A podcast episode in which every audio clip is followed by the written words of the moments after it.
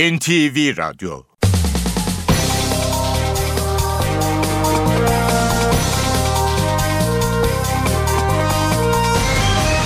İşe Giderken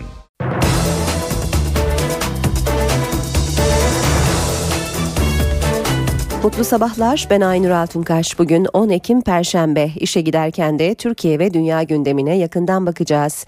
Önce gündemdeki başlıklar.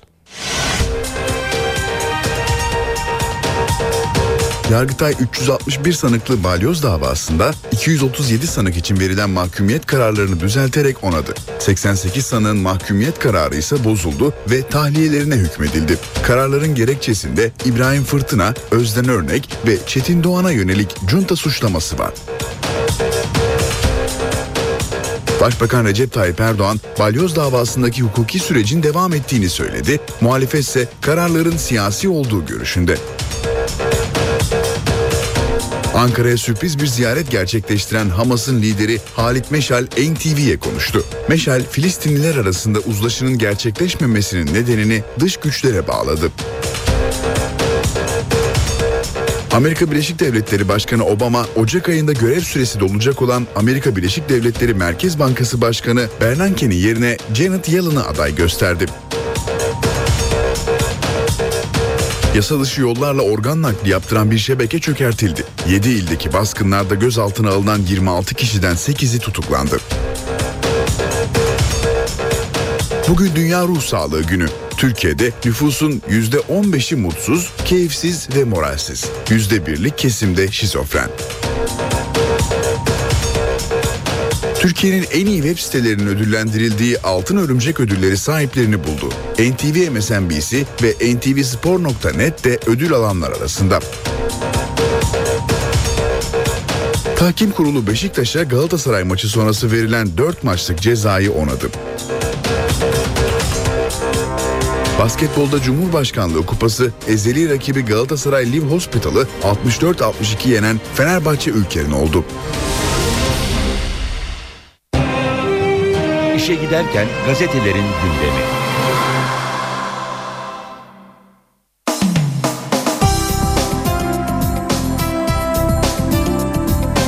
Gündemdeki gelişmeler bakalım gazetelere nasıl yansımış? Gazetelerde bugün balyoz davasına ilişkin Yargıtay'dan çıkan kararları manşetlerde görüyoruz. Milliyet tarihi yorum diyor. Yüksek yargı darbe suçunda eylem aramadı. Balyoz sanıklarının darbe amacıyla ittifak kurduğuna oy birliğiyle hükmeden Yargıtay eylem dışında bütün aşamaları geçtiler, manevi cebir var dedi. Kararın gerekçesinde sanıkların itirazlarına tek tek yanıt veren Yargıtay 9. Ceza Dairesi, Hilmi Özkök ve Aytaç Yalman'ın tanık olarak dinlenmesi taleplerinin reddini sonucu etkilemeyecekti gerekçesiyle haklı buldu. Kararda dijital delil tartışmasına ayrıntılı olarak yer verildi. Yargıtay bu tür delillerin PKK ve Hizbullah davalarında kullanılmasını kullanılmasını da örnek göstererek değiştirilebilme kolaylığı ve sanal oluşundan hareketle hükme esas alınamayacakları ileri sürülemez dedi.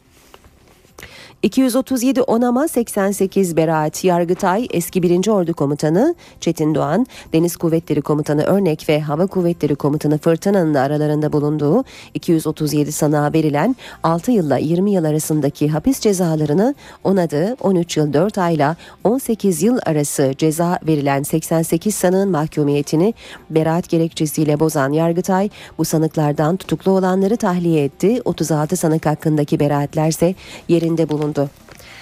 Sanıklar kararda kendini bulamadı. Yargıtay 1980 sonrası darbe girişimleriyle ilgili ilk kararı verdi. Bunu yaparken özel yetkili mahkemelerle ilgili problem görmedi. Savunmaların kısıtlandığına dair itirazı reddetti. Sanıkların nasıl bir icra hareketine katıldığı ya da aynı seminerde oturanlardan biri cezalandırılırken diğerinin neden tahliye olduğunun gerekçesi de ayrıntılarıyla anlatılmadı diyor Milliyet gazetesi haberinde. Hürriyet gazetesi haberi şüphe tahliyesi başlığıyla manşetten vermiş. Yargıtay şüphe unsuru sanık lehine işler diye 25 sanığa beraat verdi. 36 beraati onadı. 63 sanıkta darbeye teşebbüs suçu görmedi. Yani 361 sanığın üçte biri yargılamadaki şüphe unsurlarından mahkumiyet dışı kaldı. Ne kadar hapis yatacaklar? Anayasa Mahkemesi'ne bireysel başvuru hakkı var başlığını görüyoruz. Karara Yargıtay Başsavcılığı'nın itiraz hakkı bulunuyor. Cezaları onananların Anayasa Mahkemesi'ne bireysel başvuru dışında iç hukuk yolu kalmadı. 20 yıl hapis alanlar 15 yıl, 18 yıl alanlar 13 yıl 6 ay, 16 yıl alanlar 12 yıl, 13 yıl 4 ay alanlar da 10'ar yıl hapis yatacaklar. Cezaları onanan muvazzafların Türk Silahlı Kuvvetleri ile ilişkileri kesilecek. Vatan sağ olsun başlığını da görüyoruz. Yargıtay 9. Ceza Dairesi balyoz davasında 20'şer yıla mahkum edilen Çetin Doğan, Halil İbrahim Fırtına ve Özden Örneğin de aralarında olduğu 237 sanık hakkındaki 13 ila 20 yıllık hapis cezalarını onadı gerekçeli kararda Çetin Doğan iktidarı devirmek için Türk Silahlı Kuvvetleri'nden ayrı bir yapılanmaya gitmiştir. Dijital delillerin el değiştirdiği iddiası gerçek dışıdır denildi. Hadımköy'de yatan 88 asker yazılı açıklama yaptı. Suçsuzluğumuzu bir kez daha haykırıyoruz. Vatan sağ olsun. Sabah gazetesinde haber Evet darbeye teşebbüs ettiler başlığıyla yer almış manşette. Yargıtay oy birliğiyle son noktayı koydu. Balyoz'un plan tatbikatı değil AK Parti iktidarını yıkmayı amaçlayan darbe planı olduğu yüksek yargı kararıyla kesinleşti diyor. Sabah MHP'li alanın vekilliği düşecek başlığını görüyoruz. Yargıtay'ın 18 yıllık hapis cezasını onadığı Engin Alan için anayasanın 84. maddesi işletilecek. Hapis kararı mecliste okunduğunda alanın milletvekilliği düşmüş olacak. MHP'nin sayısı da 52'den 51'e inecek. Bazı hukukçular kararın mecliste okunması dönem sonuna da bırakılabilir görüşünde. Cumhuriyet gazetesi haberi bu da özel yetkili Yargıtay'ın balyozu başlığıyla manşetten veriyor.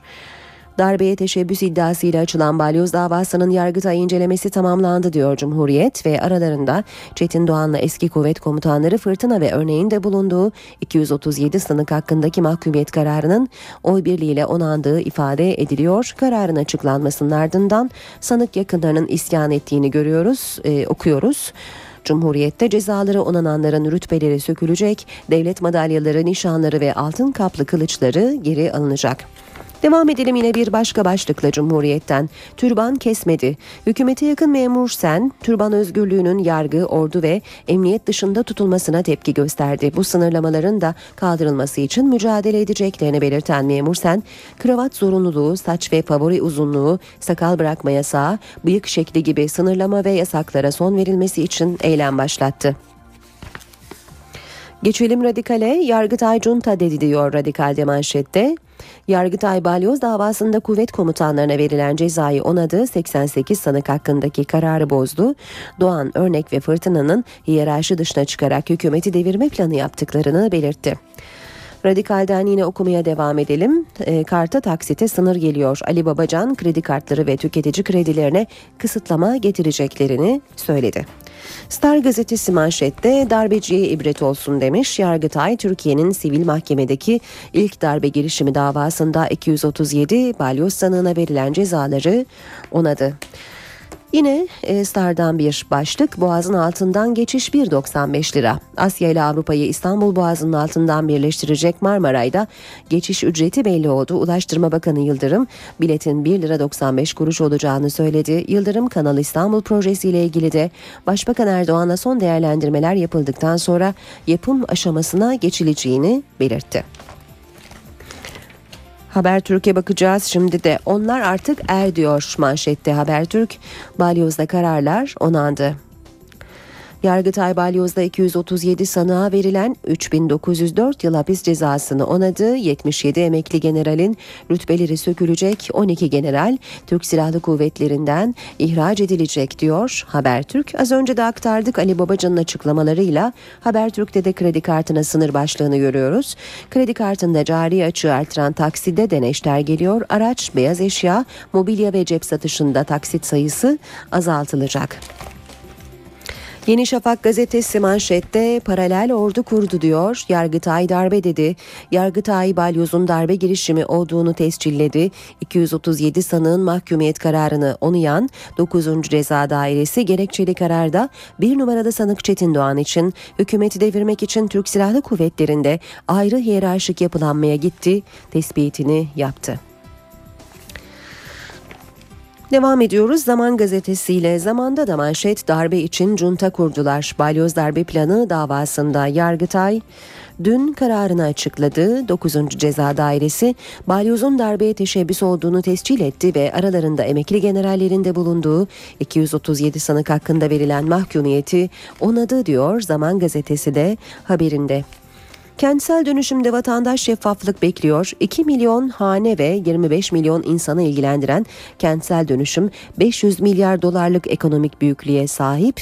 Ülkenin neredeyse yarısını ilgilendiren konuyla ilgili Kentsel Dönüşüm ve Hukuk Platformu Başkanı Kocaeli Üniversitesi öğretim üyesi Profesör Gürsel Öngören'in açıklamalarını Zaman Gazetesi'nde görüyoruz. Öngören, Şehircilik Bakanlığı'nın riskli alanların tespitini aceleye getirmemesi, dikkatli araştırma yapması gerektiğini söylüyor. Saat 7.17 Türkiye'nin gündemi Yargıtay'ın balyoz kararları. 361 sanıklı balyoz planı davasında Yargıtay kararını açıkladı. 237 sanık için verilen karar onandı. 88 sanığın mahkumiyet kararı ise bozuldu ve tahliyelerine hükmedildi. Kararların gerekçesinde İbrahim Fırtına, Özden Örnek ve Çetin Doğan'a yönelik junta suçlaması var. Eski 1. Ordu Komutanı Çetin Doğan, eski Hava Kuvvetleri Komutanı İbrahim Fırtına ve eski Deniz Kuvvetleri Komutanı Özden Örnek 20 yıl, Engin Alan, Ergin Saygun, Bilgin Balanlı ve Şükrü Sarıışık 18 yıl, Dursun Çiçek 16 yıl. Balyoz davasında cezaları onanan sanıklar arasında öne çıkan isimler bunlar. Gerekçeli karara göre İbrahim Fırtına, Özden Örnek ve Çetin Doğan'a yönelik junta suçlaması var. Ayrıca dijital delillerde yasal. Yargıtay 287 sanık için verilen kararı onadıktan hemen sonra gerekçeli kararını da açıkladı. Kararda Halil İbrahim Fırtına, Özden Örnek ve Çetin Doğan'ın hükümeti devirmek için Türk Silahlı Kuvvetleri dışında bir yapılanmaya gittiklerinin altı çizildi. Darbe için karargahtan tankların çıkması gerekir savunmasına da yanıt verildi. Suçun oluşması için vasıtaların temin edilmesi gerekmez. İttifakın sağlanması cebir suçunu oluşturur. Cebir illa fiziki kuvvet değildir. Manevi nitelikteki bir cebirle de bu suç işlenebilir. Önemli olan suçu işlemek bakımından gerekli elverişliliğe sahip olup olmadıklarıdır. Ve çok tartışılan dijital deliller. Yargıtay dijital delillerin hukuka ve usule uygun toplandığı sonucuna vardı. Dijital delillerin el değiştirdiği iddialarının gerçeği yansıtmadığı belirtildi. Kararda dönemin Genelkurmay Başkanı Emekli Orgeneral Hilmi Özkök de dönemin Kara Kuvvetleri Komutanı Emekli Orgeneral Aytaç Yalman'ın neden dinlenmediğinin gerekçesi de eldeki mevcut delillerin yeterli olması ve ifadelerin kararı etkilemeyeceği olarak gösterildi. Ayrıca komutanların yargılama geri Yüce Divandır itirazı da darbe yapmak askeri bir görev değildir. Yargılama geri sivil mahkemelerdir gerekçesiyle reddedildi. 18 yıllık hapis cezası onanan isimler arasında eski MGK Genel Sekreteri Emekli Orgeneral Şükrü Sarıışık ve Mehmetçik Vakfı İstanbul temsilcisi Emekli Tuğgeneral Süha Tangiri de var. Yargıtay 88 sanık hakkındaki mahkumiyet kararını ise bozdu. Yargıtay'ın tahliyelerine karar verdiği sanıklar cezaevlerinden serbest bırakıldı. Tahliye olanları cezaevi çıkışında aileleri ve yakınları karşıladı. Önce bir eşime sarılayım değil mi? En çok sevdiğime. İki yıldır tutukluydular. Yargıtay 9. Ceza Dairesi'nin kararıyla tahliye oldular. Tahliye kararını öğrenen tutuklu yakınları Silivri cezaevine gitti. Yaklaşık 7 saat sonra Yargıtay'ın gerekçeli kararının cezaevlerine gönderilmesiyle birlikte tahliyeler başladı. Silivri cezaevi önünde mutluluk ve hüzün bir arada yaşandı.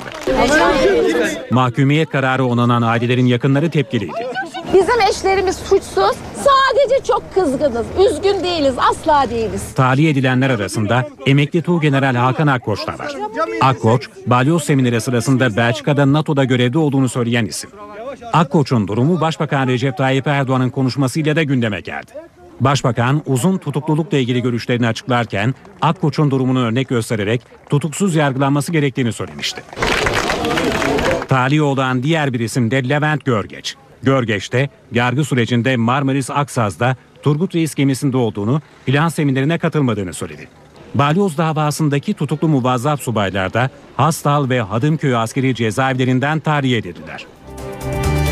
Yargıtay'ın açıkladığı kararlar siyasetin de bir numaralı gündemiydi. Başbakan Tayyip Erdoğan hukuki sürecin devam ettiğini söyledi. Muhalefet ise kararların siyasi olduğu görüşünde. Yargıtay'ın balyoz darbe planı kararı siyasetin de gündeminde.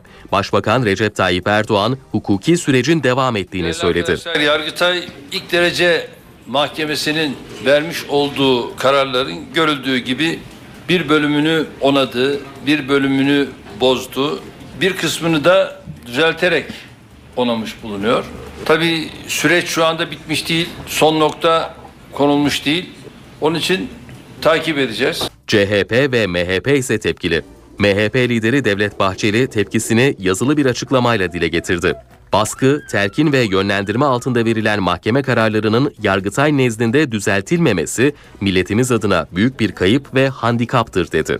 İktidarın gölge ve güdümünde kalmış vicdanlarıyla sözde darbe davalarını Türk askeriyle hesaplaşmaya çevirenler, aldıkları talimatla cezaevlerini masumlarla dolduranlar elbette bu vebalin altından kalkamayacaklardır. CHP sözcüsü Haluk Koç da Yargıtay kararının siyasi olduğunu savundu. Türkiye Cumhuriyeti'nde bir tasfiye işlemi yapılıyor. Yargı kendisine verilen görevi yapıyor. Siyasi erk siyasi kararlarla bu süreçte kendi rolünü oynamaya devam ediyor. Bir gün gelecek inşallah PKK tehdidiyle e, bizim e, e, milletimize, adımıza, kimliğimize, kültürümüze, egemenliğimize yapılan e, bu darbenin hesabını soracak Cumhuriyet savcıları ve hakimleri de çıkacaktır inşallah. BDP'den gelen tepki sanıklara verilen cezaların yetersiz olduğu yönünde. Ergenekon yargılanmaları ile ilgili yargısal süreçlerin tamamının yetersiz olduğunu düşünüyoruz. Yargıtay'ın kararıyla birlikte hükmü kesinleşen tüm muvazzaf ve emekli subayların rütbeleri geri alınacak. 18 yıl hapis cezası onanan MHP milletvekili Engin Alan'ın ise milletvekilliğinin düşmesi söz konusu. Yargıtay'dan çıkan onama kararı ile birlikte balyoz hükümlüsü tüm muvazzaf ve emekli subayların rütbeleri, madalyaları ve kılıçları geri alınacak. Muvazzafların orduyla ilişiği kesilecek. Kendilerine ve ailelerine verilen askeri kimlikler alınacak, askeri tesislerden yararlanamayacaklar. 18 yıllık hapis cezası onanan MHP İstanbul Milletvekili Engin Alan'ın durumuyla ilgili süreç karara itiraz etmesiyle başlayacak.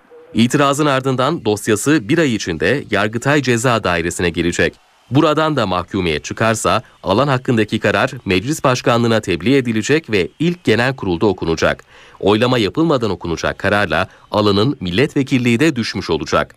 Başbakan Recep Tayyip Erdoğan da Engin Alan'ın durumuyla ilgili olarak hukuki süreci hatırlattı. Orada da süreç devam ediyor. Kesinleşmesi halinde malum anayasamızın 83 ve 84. maddelerinde de bunun gereği neyse o yapılacak.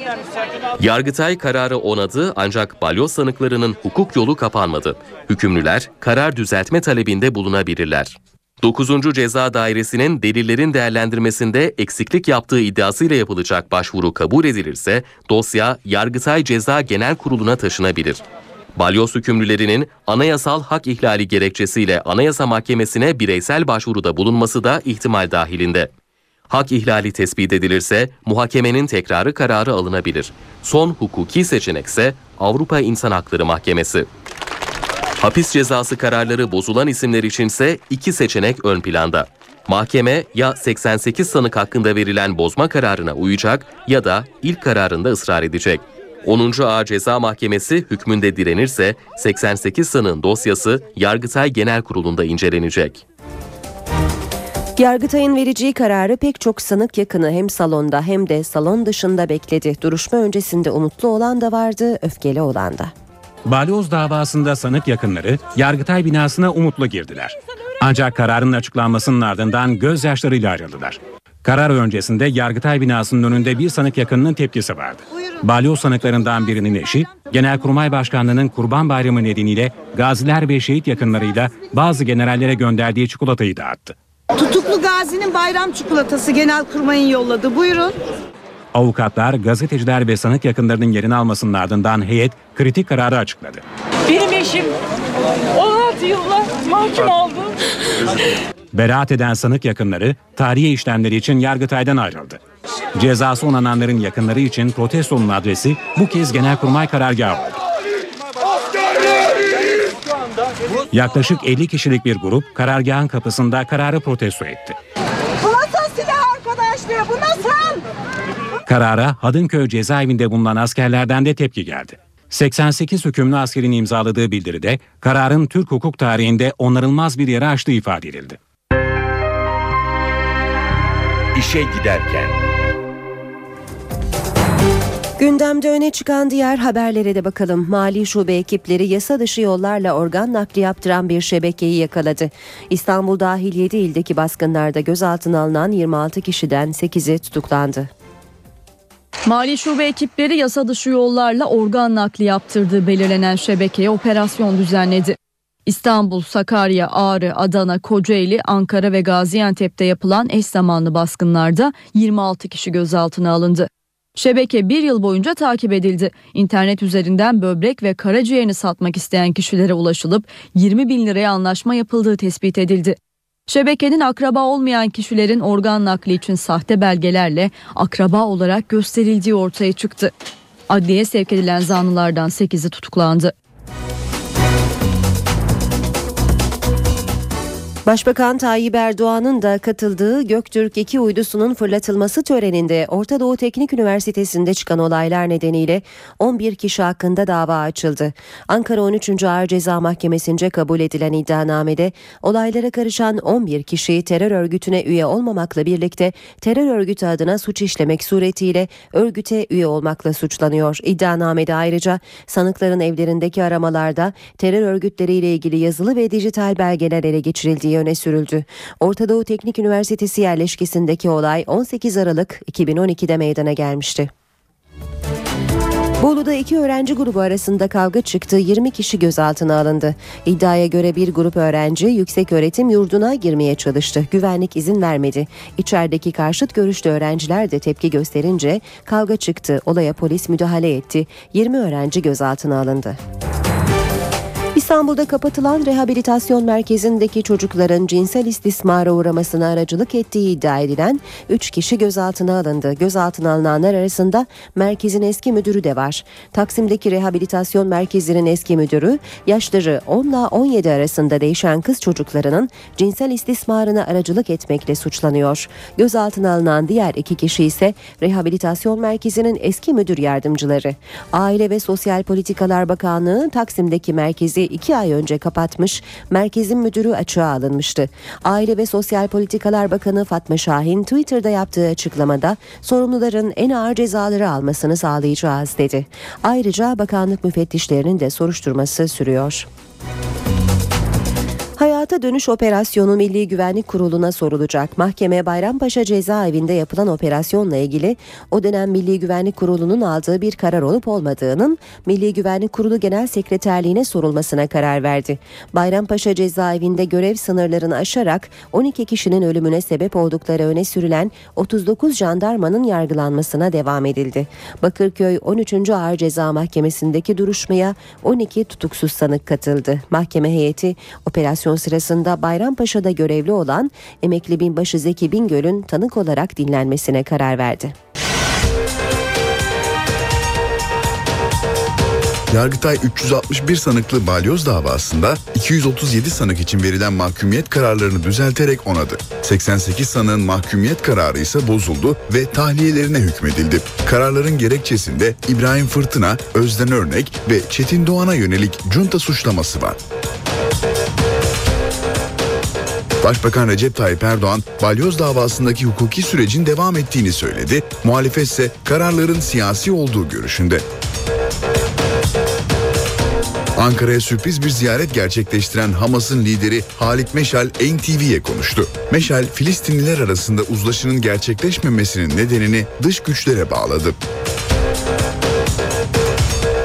Amerika Birleşik Devletleri Başkanı Obama, Ocak ayında görev süresi dolacak olan Amerika Birleşik Devletleri Merkez Bankası Başkanı Bernanke'nin yerine Janet Yellen'ı aday gösterdi. Yasa dışı yollarla organ nakli yaptıran bir şebeke çökertildi. 7 ildeki baskınlarda gözaltına alınan 26 kişiden 8'i tutuklandı. Bugün Dünya Ruh Sağlığı Günü. Türkiye'de nüfusun %15'i mutsuz, keyifsiz ve moralsiz. %1'lik kesimde şizofren. Türkiye'nin en iyi web sitelerinin ödüllendirildiği Altın Örümcek ödülleri sahiplerini buldu. NTV MSNBC ve ntvspor.net de ödül alanlar arasında. Tahkim Kurulu Beşiktaş'a Galatasaray maçı sonrası verilen 4 maçlık cezayı onadı. Basketbolda Cumhurbaşkanlığı Kupası ezeli rakibi Galatasaray Live Hospital'ı 64-62 yenen Fenerbahçe ülkerin oldu. İşe giderken gazetelerin gündemi.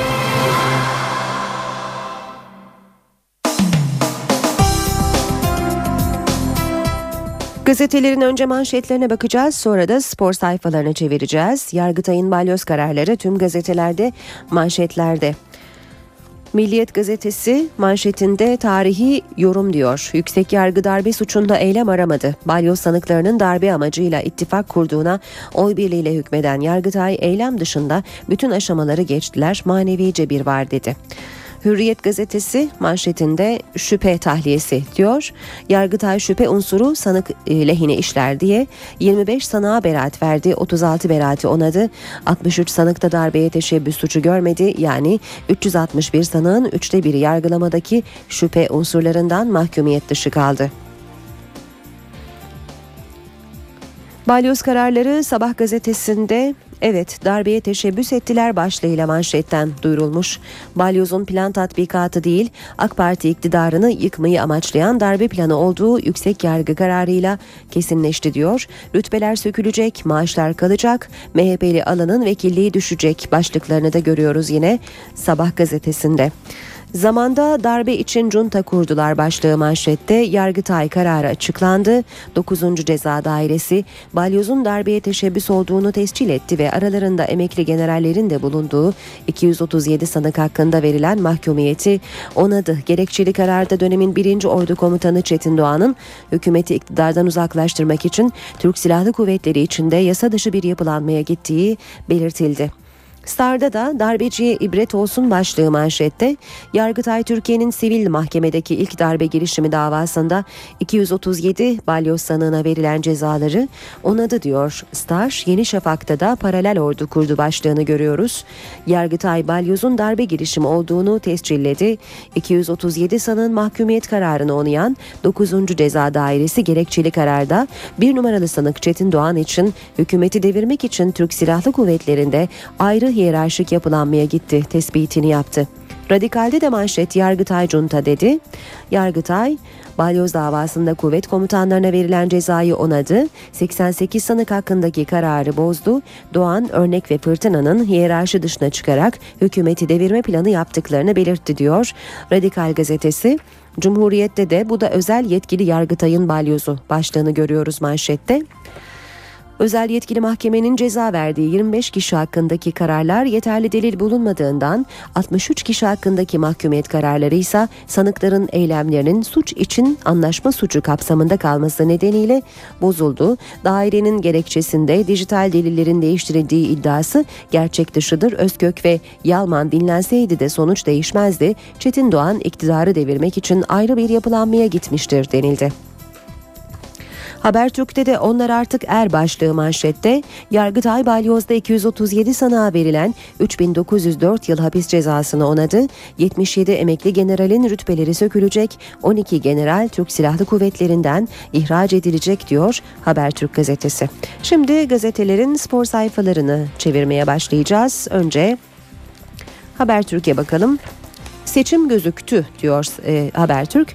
Galatasaray Başkanı Ünal Aysal ajandamda yok diyor ancak Fatih Terim'in ayrılmasının ardından ayaklanan muhalefetin sesi giderek artıyor.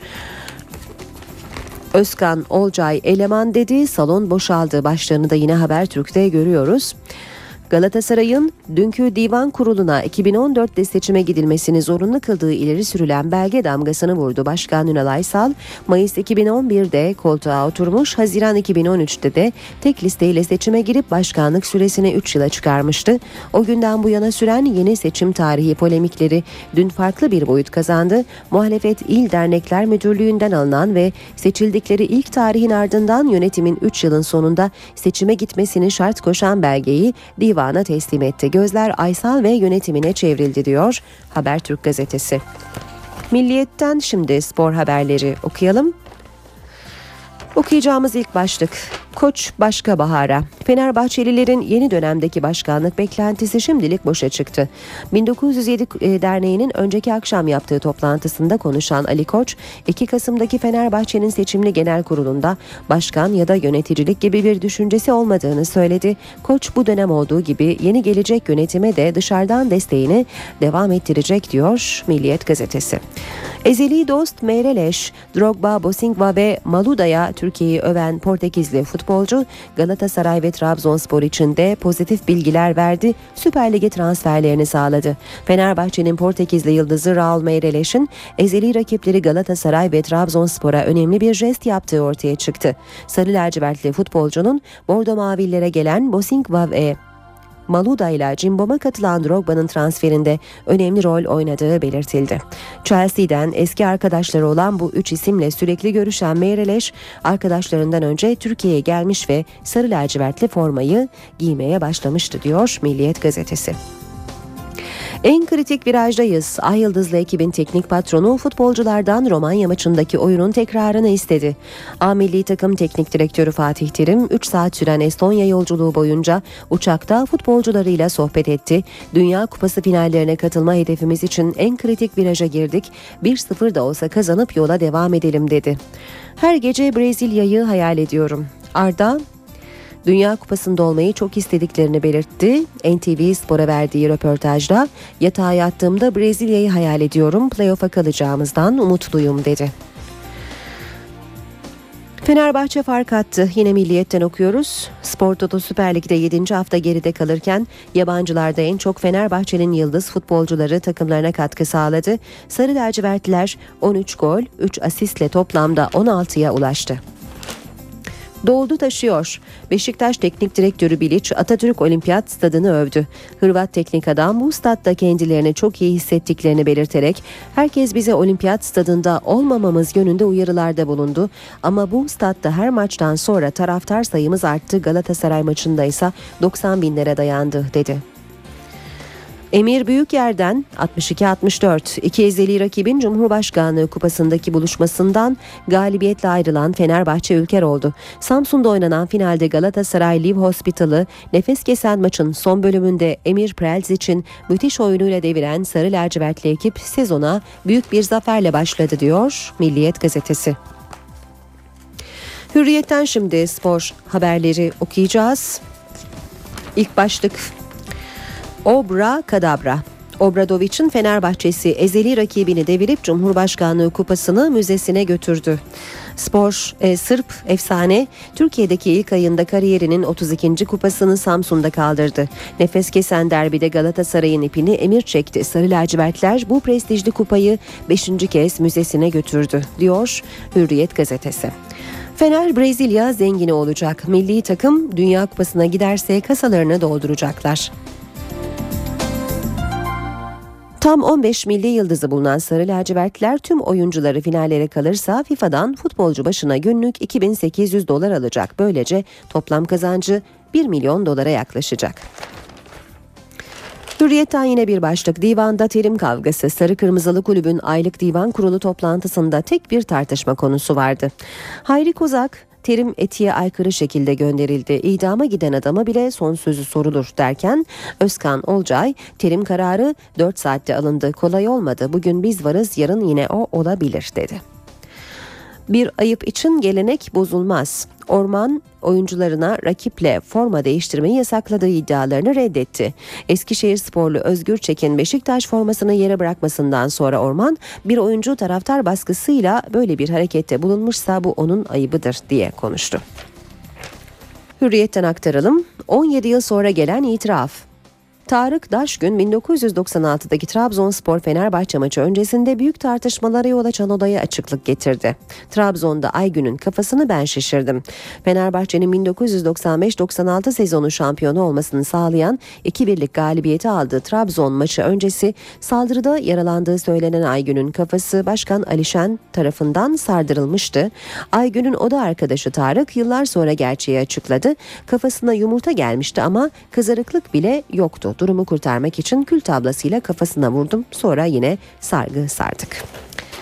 Spor haberleri aktardık. Gazetelerin spor sayfasından gündemdeki diğer gelişmelerle devam edelim. İşe giderken Dışişleri Bakanı Ahmet Davutoğlu Suriye Kürt Ulusal Konseyi temsilcilerini kabul etti. Görüşmeye Suriye Kürt Demokratik Partisi lideri Abdülhakim Başar, Suriye Kürt Birliği Partisi Genel Sekreteri İbrahim Bro ve Kürt Demokratik Partisi Başkan Yardımcısı Mustafa Sino katıldı. Dışişleri Bakanı görüşmede Kürt Konseyi'nin Suriye muhalefeti çatısı altına girme kararını desteklediğinin mesajını verdi. Yine Ankara'da olan Suriye Kürt Yüksek Konseyi'nin üyeleri de Dışişleri Bakanlığı yetkilileriyle bir araya gelerek daha fazla insani yardıma ihtiyaç duyduklarını ifade ettiler. Türk tarafı ise sınır kapılarının açık tutulduğunu söyledi. İlave neler yapılabileceği konusunda diyalo- diyaloğa açığız mesajı verildi. Bir Suriye uçağı yine Türkiye sınırına fazla yaklaştı ve Türk F-16'sının bölgeye gitmesiyle birlikte geri döndü.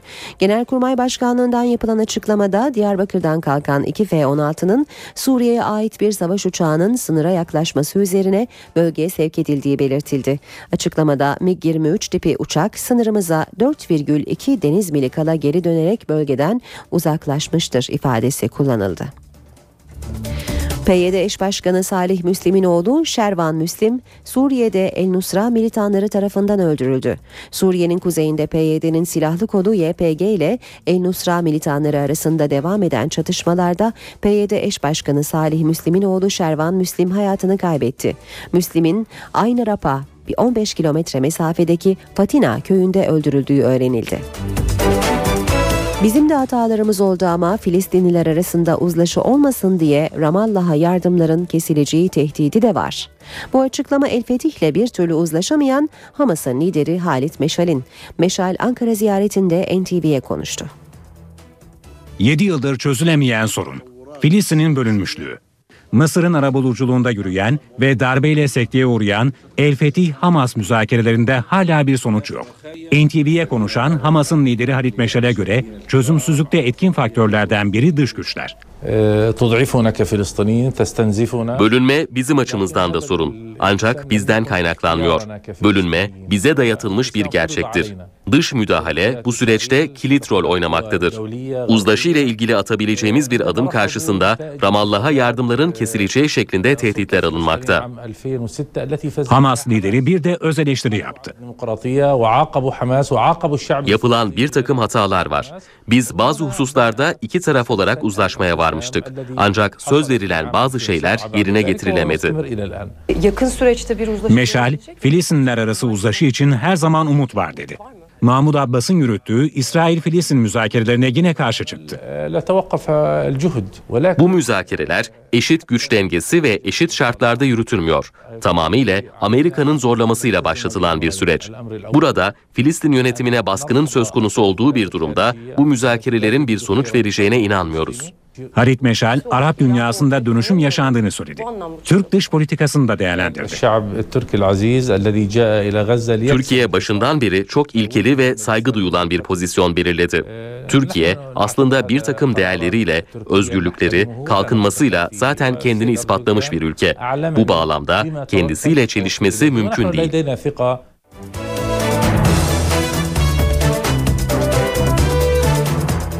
Amerika Birleşik Devletleri Mısır'a yaptığı yardımların bir kısmını durdurdu. Kesintinin sivil ve kapsayıcı bir hükümet kurulana kadar devam edeceği belirtildi.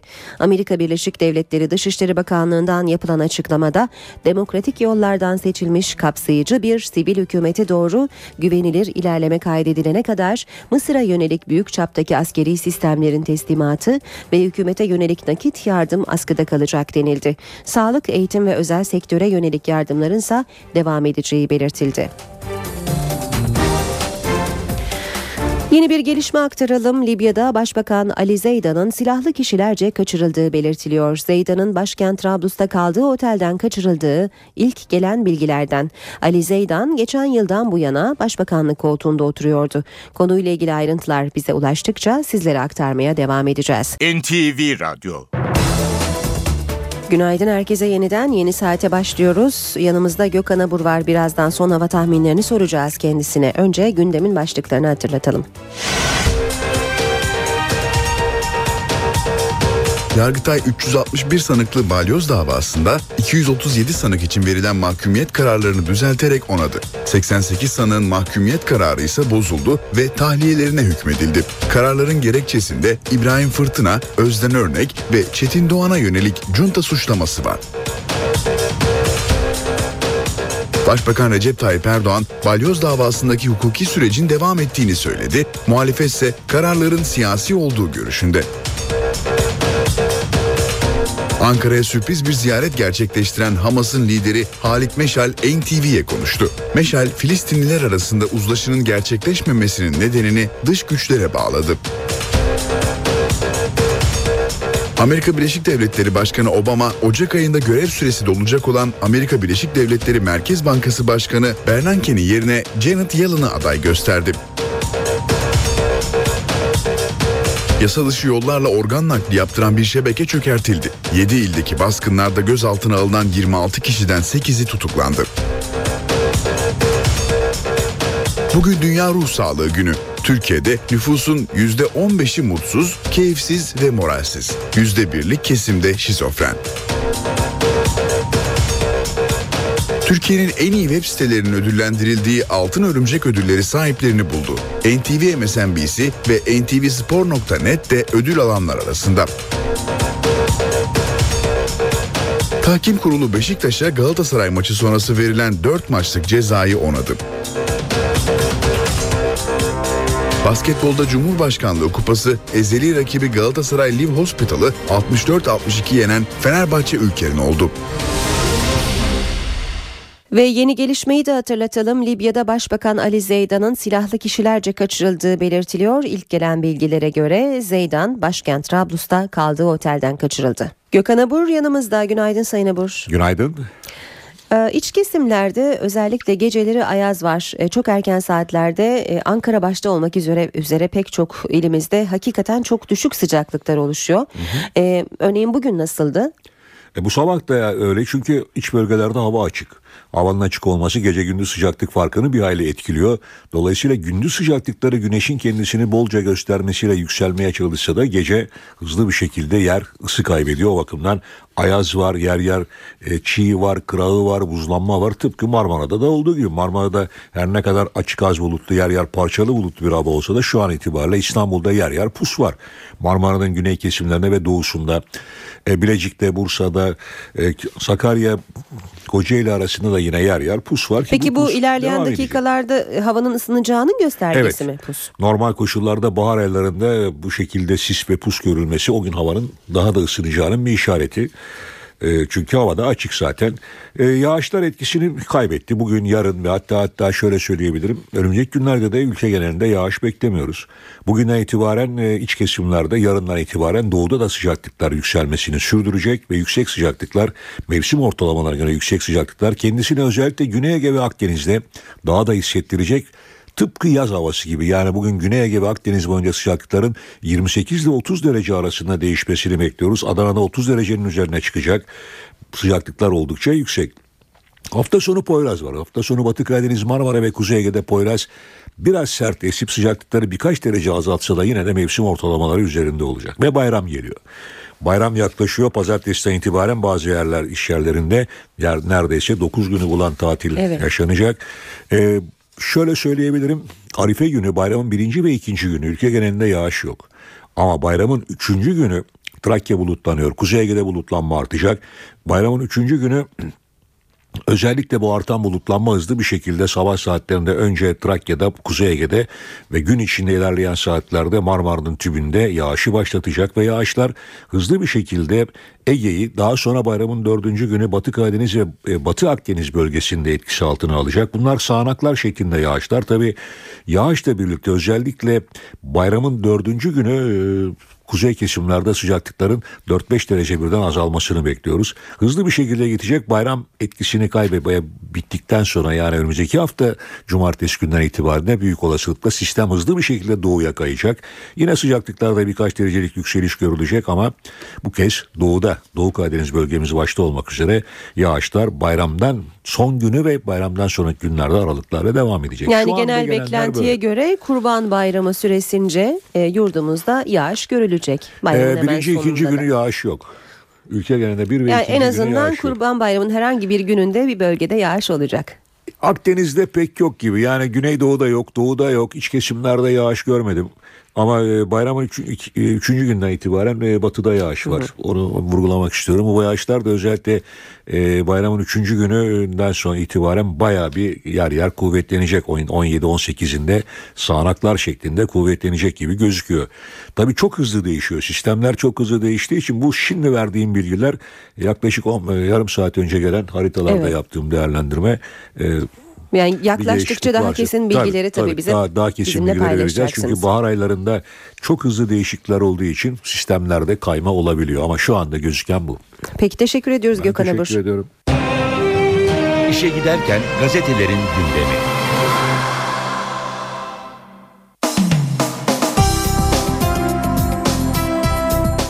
Özellikle Yargıtay'ın balyoz kararları bugün tüm gazetelerde manşetlerde gözümüze çarpıyor. Milliyet gazetesi tarihi yorum demiş, yüksek yargı darbe suçunda eylem aramadı. Balyoz sanıklarının darbe amacıyla ittifak kurduğuna oy birliğiyle hükmeden Yargıtay, eylem dışında bütün aşamaları geçtiler, manevi cebir var dedi. Kararın gerekçesinde sanıkların itirazlarına tek tek yanıt veren Yargıtay 9. Ceza Dairesi, Hilmi Özkök ve Aytaç Yalman'ın tanık olarak dinlenmesi taleplerinin reddini sonucu etkilemeyecekti gerekçesiyle haklı buldu. Kararda dijital delil tartışmasına ayrıntılı olarak yer verildi. Yargıtay bu tür delillerin PKK ve Hizbullah davalarında kullanılmasını da örnek göstererek değiştirilebilme kolaylığı ve sanal oluşundan hareketle hükme esas alınamayacakları ileri sürülemez denildi. Sanıklar kararda kendini bulamadı. Yargıtay 1980 sonrası darbe girişimleriyle ilgili ilk kararı verdi. Bunu yaparken özel yetkili mahkemelerle ilgili problem görmedi. Savunmaların kısıtlandığına dair itirazı reddetti. Sanıkların nasıl bir icra hareketine katıldığı ya da aynı seminerde oturanlardan biri cezalandırılırken diğerinin neden tahliye olduğunun gerekçesi de ayrıntılarıyla anlatılmadı. Devam edelim yine milliyetten okumaya. Taciz mağduru kızlara fuhuş. Polisin cinsel istismar kurbanı kız çocuklarını getirdiği merkezde skandal. Üç yönetici kızlara fuhuş yaptırma suçlamasıyla gözaltına alındı. Yine milliyetten bir başlık 4 dakikada boğaz geçişi 1.95 lira Marmaray'ın açılışına 19 gün kaldı. 3 etaplık Marmaray projesinin 13,6 kilometrelik ilk bölümü 29 Ekim'de açılıyor. Bilet fiyatları için zannediyorum 1.95 civarında olacak diyen Ulaştırma Bakanı Yıldırım, hattı devlet demir yollarının işleteceğini, entegrasyonunu İstanbul Ulaşım'la birlikte yapacaklarını belirtti. Marmara ile İstanbul Boğazı'nın altından kıtalar arası geçiş 4 dakikaya iniyor. Yine Milliyet'ten okuyalım. NATO'dan destek mektubu. Meclis Başkanı Çiçek Suriye ve Mısır'daki gelişmeler konusunda 26 Ağustos'ta uluslararası parlamentolara mektup göndermişti. NATO Parlamenter Asamblesi Başkanı Barley, Bailey, Çiçek'e gönderdiği cevabi mektupta endişelerinizi paylaşmak ve bu konuların hak ettiği ehemmiyeti kazanması çabalarınızı destekliyorum. Suriye'deki krizde ülkenizin takdire şayan rolünü kutlamak isterim denildi mektupta. Az önce Libya Başbakanı'nın kaçırıldığı haberini aktarmıştık. Yeni bir gelişme var bunu da duyuralım. Libya hükümet sözcüsü Başbakan Ali Zeydan'ın Trablus'ta kaldığı otelden kimliği belirsiz kişiler tarafından zorla alınarak bilinmeyen bir yere götürüldüğünü açıkladı. Hürriyet gazetesiyle devam edelim. Şüphe tahliyesi. Yargıtay şüphe unsuru sanık lehine işler diye 25 sanığa beraat verdi. 36 beraati onadı. 63 sanıkta darbeye teşebbüs suçu görmedi. Yani 361 sanığın üçte biri yargılamadaki şüphe unsurlarından mahkumiyet dışı kaldı. Karara Yargıtay Başsavcılığı'nın itiraz hakkı bulunuyor. Cezaları onananların Anayasa Mahkemesi'ne bireysel başvuru dışında iç hukuk yolu kalmadı. 20 yıl hapis alanlar 15 yıl, 18 yıl alanlar 13 yıl 6 ay, 16 yıl alanlar 12 yıl, 13 yıl 4 ay alanlarda 10'ar yıl hapis yatacaklar. Cezaları onanan muvazzafların Türk Silahlı Kuvvetleri ile ilişiği kesilecek. Fatma Nine'nin maaşı patladı. Bolu'da bankadan 780 liralık emekli maaşını çeker, e, çeken 80 yaşındaki Fatma Kalyoncu'nun bankın üzerinde unuttuğu el çantası fünye ile patlatıldı. Cüzdandaki paralar parçalanarak çevreye saçıldı. Polise başvuran Kalyoncu çantasında kurban parası dahil 1300 lira olduğunu söyledi. Zararı gidermek için polisle emekli kadın tutulan tutanakla bankaya gitti. Parçalanan paraların yerine yenileri verildi. Sabah gazetesi manşette evet darbeye teşebbüs ettiler diyor. Yargıtay oy birliğiyle son noktayı koydu. Rütbeler sökülecek, maaşlar kalacak ve MHP'li alanın vekilliği düşecek başlıklarını da yine Sabah gazetesinde görüyoruz. Cumhuriyette manşet bu da özel yetkili Yargıtay'ın balyozu. Darbeye teşebbüs iddiasıyla açılan balyoz davasının Yargıtay incelemesi tamamlandı. Aralarında Çetin Doğan'la eski kuvvet komutanları Fırtına ve örneğin de bulunduğu 237 sanık hakkındaki mahkumiyet kararı oy birliğiyle onandı deniyor Cumhuriyet'te. Kararın açıklanmasının ardından sanık yakınları isyan etti. Cezaları onananların rütbeleri sökülecek, devlet madalyaları, nişanları ve altın kaplı kılıçları geri alınacak. Kendileriyle birlikte eş ve çocuklarının askeri kimlikleri alınacak. Askeri tesislerden yararlanamayacaklar. Görevde olanlar Türk Silahlı Kuvvetlerinden çıkarılacak. Devam edelim Cumhuriyet'ten bir diğer başlıkla. Türban kesmedi. Hükümete yakın memur Sen, türban özgürlüğünün yargı, ordu ve emniyet dışında tutulmasına tepki gösterdi. Bu sınırlamaların da kaldırılması için mücadele edeceklerini belirten memur Sen, kravat zorunluluğu, saç ve favori uzunluğu, sakal bırakma yasağı, bıyık şekli gibi sınırlama ve yasaklara son verilmesi için eylem başlattı. Geçelim Radikal gazetesine Yargıtay Junta dedi diyor Radikal. Yargıtay Balyoz davasında kuvvet komutanlarına verilen cezayı onadı. 88 sanık hakkındaki kararı bozdu.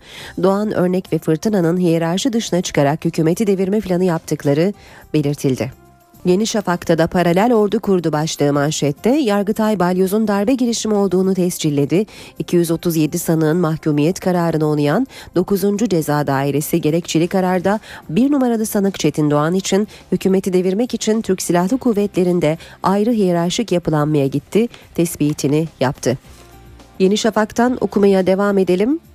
Tazminat demeyelim. Mavi Marmara'da 9 Türk'ü şehit eden İsrail'in hayatını kaybedenler için Türkiye'nin talep ettiği tazminat miktarını kabul ettiği iddia edildi. Ancak İsrail uluslararası alanda emsal olacağı endişesiyle yapılacak ödemeye tazminat adı verilmesine karşı çıkıyor. Bu nedenle görüşmelerin çıkmaza girdiği belirtiliyor. Star gazetesinde manşet darbeciye ibret olsun. Yargıtay Türkiye'nin sivil mahkemedeki ilk darbe girişimi davasında 237 balyoz sanığına verilen cezaları onadı diyor Star gazetesi de. Zamanda da manşet darbe için junta kurdular. Yargıtay 9. Ceza Dairesi balyozun darbeye teşebbüs olduğunu tescil etti ve aralarında emekli generallerinde bulunduğu 237 sanık hakkında verilen mahkumiyeti onadı diyor Zaman Gazetesi. Ve Haber Türkiye'de bakacağız. Onlar artık er diyor Habertürk. Yargıtay Balyoz'da 237 sanığa verilen 3904 yıl hapis cezasını onadı. 77 emekli generalin rütbeleri sökülecek. 12 general Türk Silahlı Kuvvetleri'nden ihraç edilecek. Yine Habertürk'ten bir haber kredi kartına sınır. Kredi kartında cari açığı artıran takside de leşler geliyor. Araç, beyaz eşya, mobilya ve cep satışında taksit sayısı azaltılacak. NTV Radyo Başkent gündemiyle bu bölüme başlıyoruz. İşe giderken de ve karşımızda NTV muhabiri Miray Akdağ Uluç var. Miray günaydın. Günaydın Aynur. Yine hareketli bir gün olacak gibi bugün balyoz davasının yankıları sürerken bugün de Irak tezkeresi Meclis Genel Kurulu'nda oylanacak. Neler anlatacaksın bize bu sabah?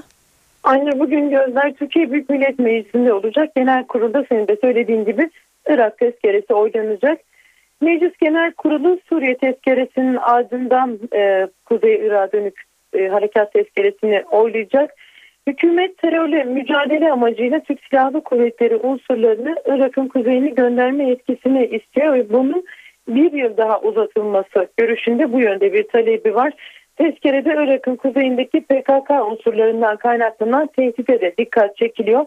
Muhalefette ise görüş ayrılığı var bu konuda. Milliyetçi Hareket Partisi'nin tezkereye olumlu oy vermesini bekliyoruz. Geçmişte de yine Irak tezkerelerini Milliyetçi Hareket Partisi olumlu oy kullanmıştı.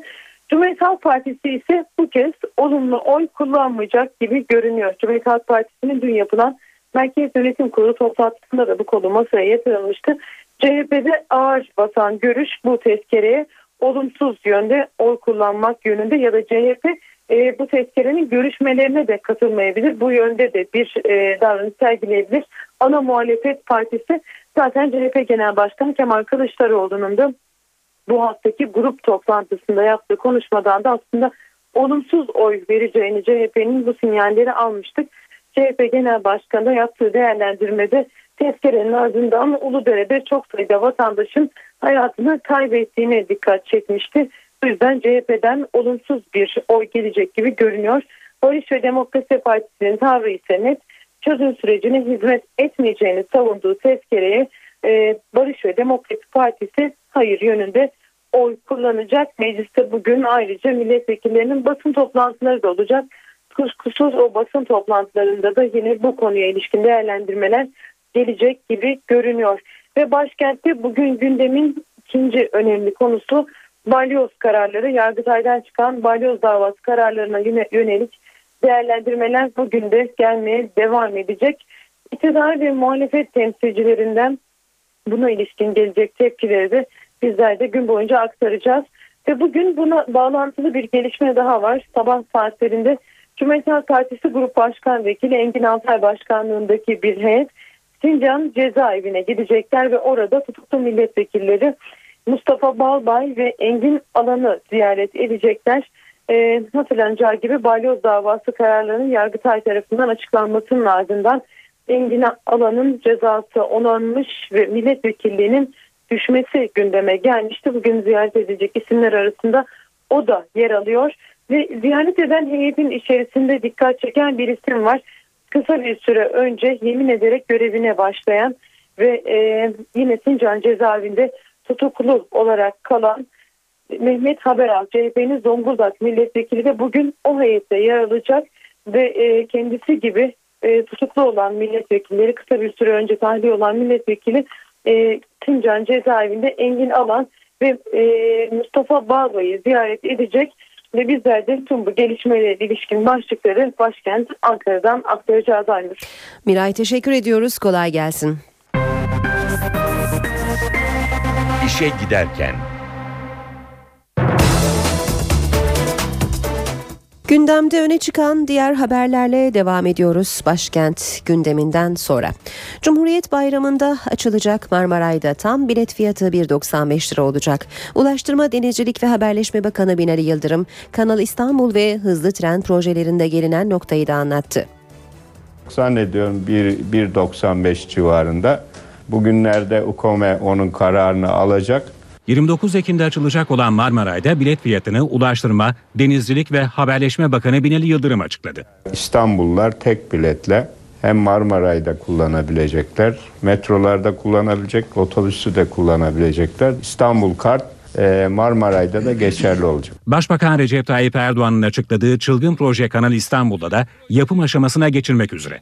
Bütün bu e, son durumu Sayın Başbakanımıza arz edip bir değerlendirme yap, yaptıktan sonra e, artık yapımla ilgili çalışma sürecine geçmiş olacağız. Üçüncü köprüde hedef de iki yıl sonra açılış yapmak. Zannederim gidip bir görüntü alsanız 50-60 metreyi buldu ayakların yüksekliği. Bu yıl sonuna kadar ayaklar şekillenmiş olacak. Amacımız 2015 içerisinde üçüncü köprüyü ve yolları tamamlamak. Ve hızlı tren. Çalışmalar devam ederken Devlet Demiryolları internet sitesi üzerinden halk oylaması yaptı. Hızlı trenin rengi belli oldu. Bu bir dünya rekoru olacak eğer bitirebilirsek. Ben kırmızı beyaz bekliyordum ama vatandaş turkuazı seçti yani.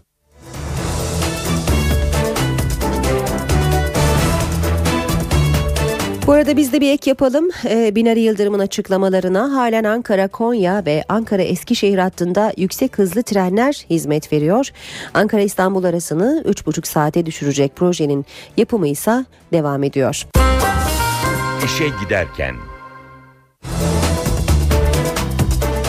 Kurban Bayramı'na az kaldı. Genelde kurban fiyatları haberlere konu olur. Biz bu kez kurban satıcılarına mikrofon uzattık. Satıcılar Türkiye'nin dört bir yanından olsa da amaç ortak. Kurbanlıklarını satıp memlekete dönmek. İstanbul'a kurbanlık satmak için gelenler güne çayla başlıyor. Daha sonra hayvanlarının günlük bakımları yapılıyor, yemlikler dolduruluyor. Gece iki kişi duruyoruz burada. Gündüz müşterimizle ilgileniyoruz. Gece bir e, kardeşimiz nöbette duruyor. Biz uyuyoruz. Dönüşümlü uyuyoruz burada. Hayvanların yanından ayrılmak çok riskli. Birbirine boğuşabilir, dövüşebilir. Ondan dolayı sürekli nöbetleşe duruyoruz. Kurbanlık satıcıları çadırlarda kalıyor. Ailemden ayrıldım, özlüyorum yani onları çoktandır ayrılmışım. Satış için burada geçen zamanda en çok ailelerini özlüyorlar. Gece karanlık çöktüğünde manzara değişiyor. Ateş yakılıyor, kurbanlık satıcıları geldikleri bölgenin türkülerini söylüyor. Can can. 16 yaşındayım. Hayvanlara bakıyorum burada. Buradaki hayalim hayvanlarımızı satmak. Okul açlarımı çıkartıyorum. Sonra gideceğim yine okuluma devam edeceğim. İzin aldım. Daha önceki kurban yerlerimiz bu kadar modern değildi. İnşallah hayırlısıyla kurban günü yüzümüz güler de çoluğumuza çocuğumuza biz de huzur içinde götürebileceğimizi götürürüz buradan. Hayalleri tüm hayvanlarını satıp memleketlerine dönmek. Piyasaları da aktaralım. Piyasalardaki son rakamları da verelim. Sonra gündemdeki başlıkları hatırlatacağız. BIST 100 endeksi 580 puan azalışla %0,77 oranında değer kaybetti ve 74.483 puandan kapandı. Bu sabah dolar 1.98'e gerilemiş durumda. Euro 2.68'de. Euro dolar paritesi 1.35, dolar yen 98 düzeyinde. Altının onsu 1302 dolara geriledi. Kapalı çarşıda da külçe altının fiyatı 83, Cumhuriyet altını 544, çeyrek altın 136 liradan işlem görüyor. Brent petrolün varili 109 dolar.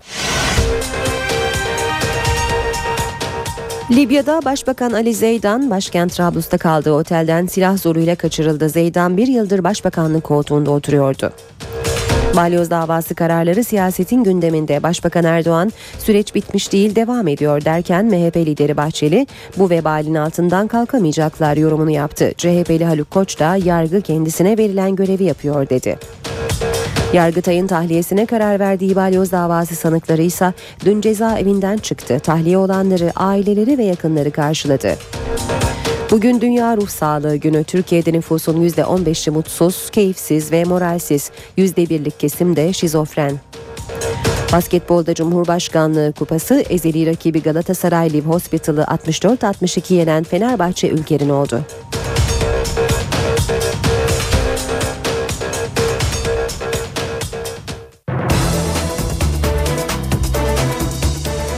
Saat 8.40 NTV Radyo'da işe giderken de birlikteyiz. Dünya gündeminden haberlerimiz var. Libya'da Başbakan Ali Zeydan başkent Trablus'ta kaldığı otelden kaçırıldı. Ali Zeydan geçen yıldan bu yana başbakanlık koltuğunda oturuyordu. Libya hükümet sözcüsü durumu doğruladı. Olayla ilgili henüz ayrıntılı bilgi yok. Azerbaycan'da İlham Aliyev yeniden Cumhurbaşkanı seçildi. Aliyev oyların yaklaşık %85'ini aldı. Azerbaycan Merkezi Seçim Komitesi'nin açıkladığı resmi olmayan sonuçlara göre İlham Aliyev üçüncü kez Azerbaycan Cumhurbaşkanı oldu. Aliyev'i takip eden isim 5,2'lik oy oranıyla Profesör Doktor Cemil Hesenli oldu. Sonuçların ardından Aliyev destekçileri sokaklarda zafer kutlamaları yaptı. Amerika Birleşik Devletleri'nde bütçe krizi sürüyor. Ülkenin borçlanma sınırına ulaşacağı 17 Ekim'e sayılı günler kaldı. Başkan Barack Obama bugün Temsilciler Meclisi'nin Cumhuriyetçi üyeleriyle bir araya gelecek. Borç tavanı yükseltilmeden Cumhuriyetçilerle pazarlık etmemeye kararlı olan Başkan Barack Obama, Temsilciler Meclisi'nin Cumhuriyetçi üyeleriyle bugün görüşecek. Temsilciler Meclisi'nin Cumhuriyetçi Başkanı John Boehner görüşmeye kısıtlı sayıda üyenin katılacağını açıkladı. Ülkedeki bütçe kriziyle ilgili ilgili IMF'den de bir açıklama geldi. Uluslararası Para Fonu Amerikan ekonomisinin temerrüde düşmesinin durumunda küresel piyasalarda şok etkisi yaratacağı uyarısında bulundu. Amerika Başkanı Obama'nın yaptığı son açıklamayla Amerikan Merkez Bankası Fed'in yeni başkanının Janet Yellen olacağı neredeyse kesinleşti. Yellen Bernanke'den sonra dünya piyasalarına yön verecek isim olacak. Paranın patronu da diyebiliriz. Peki trilyon dolarlara hükmeden Fed Başkanı Yellen'ın maaşı ne kadar? Cevap şaşırtıcı. Fed'in 100 yıllık tarihinde ilk kadın başkan olmaya hazırlanan Janet Yellen 67 yaşında. Aldığı bir kararla tüm dünya piyasalarını etkileyen, trilyon dolarlara hükmeden başkanın yıllık geliri ise 197 bin dolar olacak. Ancak dünyada tablo biraz daha şaşırtıcı ve orantısız. Ekonomisi çok daha küçük olan bazı ülkelerin Merkez Bankası başkanları Fed başkanının birkaç misli fazla maaş alıyor. İsviçre Merkez Bankası Başkanı'nın yıllık maaşı 860 bin dolara yaklaşırken Hong Kong Merkez Bankası Başkanı 774 bin dolar maaş alıyor. Dünyanın en küçük ekonomilerinden biri olan Malta Merkez Bankası Başkanı da ABD Merkez Bankası Başkanı'ndan daha fazla para kazanıyor. Ancak geliri düşük kalan başkanlar da var. Brezilya Merkez Bankası Başkanı ise yılda sadece 83 bin dolar maaş alarak meslektaşlarının çok altında bir kazançla ülke ekonomisini yönetiyor. Türkiye'de açıklanan bir rakam yok. Ancak en son 2010 yılında başkanın yıllık maaşının yaklaşık 180 bin dolar olduğu belirtilmişti. Bugün Dünya Ruh Sağlığı Günü. Toplum olarak ruhumuz ne kadar sağlıklı? Ruhu beslemek için neler yapılmalı? Psikiyatri uzmanı Profesör Doktor Işıl Kulaksızoğlu'nu dinleyelim. Türkiye'nin %15'i mutsuz, keyifsiz ve moralsiz. Yani ya depresyonda ya da eşiğinde. %1'lik kesimde şizofren. Bedenin sağlıklı olması aynı zamanda kişinin mutlu, keyifli, hayattan tat alan e, bir birey olmasıyla da ilgili. İnsanın mutluluğu ve keyfi için bedeni kadar beyninin yarattığı fonksiyonların da tam sağlıklı ve tatminkar olması gerektiğini düşünüyoruz. Bedenen hasta olmamak sağlıklı olmak anlamına gelmiyor. Ruh sağlığı beden sağlığı kadar önemli. Hayatta küçük şeylerden tad almaya çalışmak da önemlidir. Arkadaşlarla, dostlarla görüşmeye devam etmek, sosyal bir ortamda olmak, size değer verildiğini hissettiğiniz bir ailede, bir toplumda, bir şehirde yaşamak ruh sağlığının iyi kalmasını sağlamak için önemlidir. Toplumda değer ve kabul görmek de ruh sağlığını besliyor. Ruh sağlığı için doktora başvurmaksa o kadar kolay değil. Gelişmiş ülkelerde olduğu kadar psikiyatr yok Türkiye'de. Dünya Ruh Sağlığı Günü'nde bu yıl tema yaşlıların ruh sağlığı. Yaşlılarda depresyon, e, demans, anksiyete bozukluğu, sıkıntılar bu tür yaşlılığa özgü hastalıklar söz konusu. 2050'de Türkiye'de her 5 kişiden biri 65 yaş üzeri olacak. Bu nedenle yaşlıların ruh ve beden sağlığı için yapılacak düzenlemeler önem taşıyor. Türkiye'nin en iyi web siteleri belirlendi. Türkiye'nin en prestijli web ödülleri olarak nitelendirilen Altın Örümcek ödülleri dağıtıldı. Törende NTV MSNBC ve NTV Sports.net de ödül aldı. İnternetin Oscar'ları olarak bilinen Altın Örümcek sahiplerini buldu. 11. kez düzenlenen törende 38 farklı kategoride ödüller verildi. En iyi web sitesi garanti.com.tr'nin oldu. E, Yıllardır aslında aldığımız bir ödül zaten. E, Her sene almaya çalışıyoruz. Almaktan hiçbir şekilde e, yeterli görmüyoruz kendimizi. Sürekli geliştirmeye çalışıyoruz. NTVspor.net'e gidiyoruz bu dalda. Spor kategorisinde ntvspor.net ödül aldı. 2010'da açıldı NTV Spor.net. İşte 2010, 2011, 2012 bu sene de 2013 üst üste dördüncü kez e, yayında olduğumuz bütün senelerde Altın Örümceği kazanmış olduk. Çok büyük mutluluk. NTV MSNBC en iyi haber sitesi seçilirken en iyi portal tvO.com oldu. TVYO.com oluyor. Halkın bizi bu e, ödüle layık görmesi ayrı bir e, gurur kaynağı bizim için. E, markamızın e, güvenirliğine e, ve e, yaptığımız işin e, güzelliğine aslında bu e, şey yapıyor, vurgu yapıyor. Dolayısıyla çok mutluyuz. Doğuş Yayın Grubu'nun içeriklerinin geniş kapsamlı olarak halkın beğenisiyle buluşması, her şeyin bir alanda toplanması portal olarak çok büyük ilgi gördü. O kadar iyi trafik aldı ki ve o kadar güzel bir iş oldu ki demek ki hem halk oylamasını hem de Altın Örümcek'te bu ödülü aldık. Çok mutluyuz. Eğlence kategorisinde CNBC.tv dizi yayınlarıyla ödüle layık görülürken en iyi kurumsal web sitesi ödülü turkishairlines.com'a verildi. Ünlülere ait siteler arasında en başarılı site ödülü de şarkıcı Funda Arar'ın oldu. Bu haberle işe giderken sona eriyor. Hoşçakalın. NTV Radyo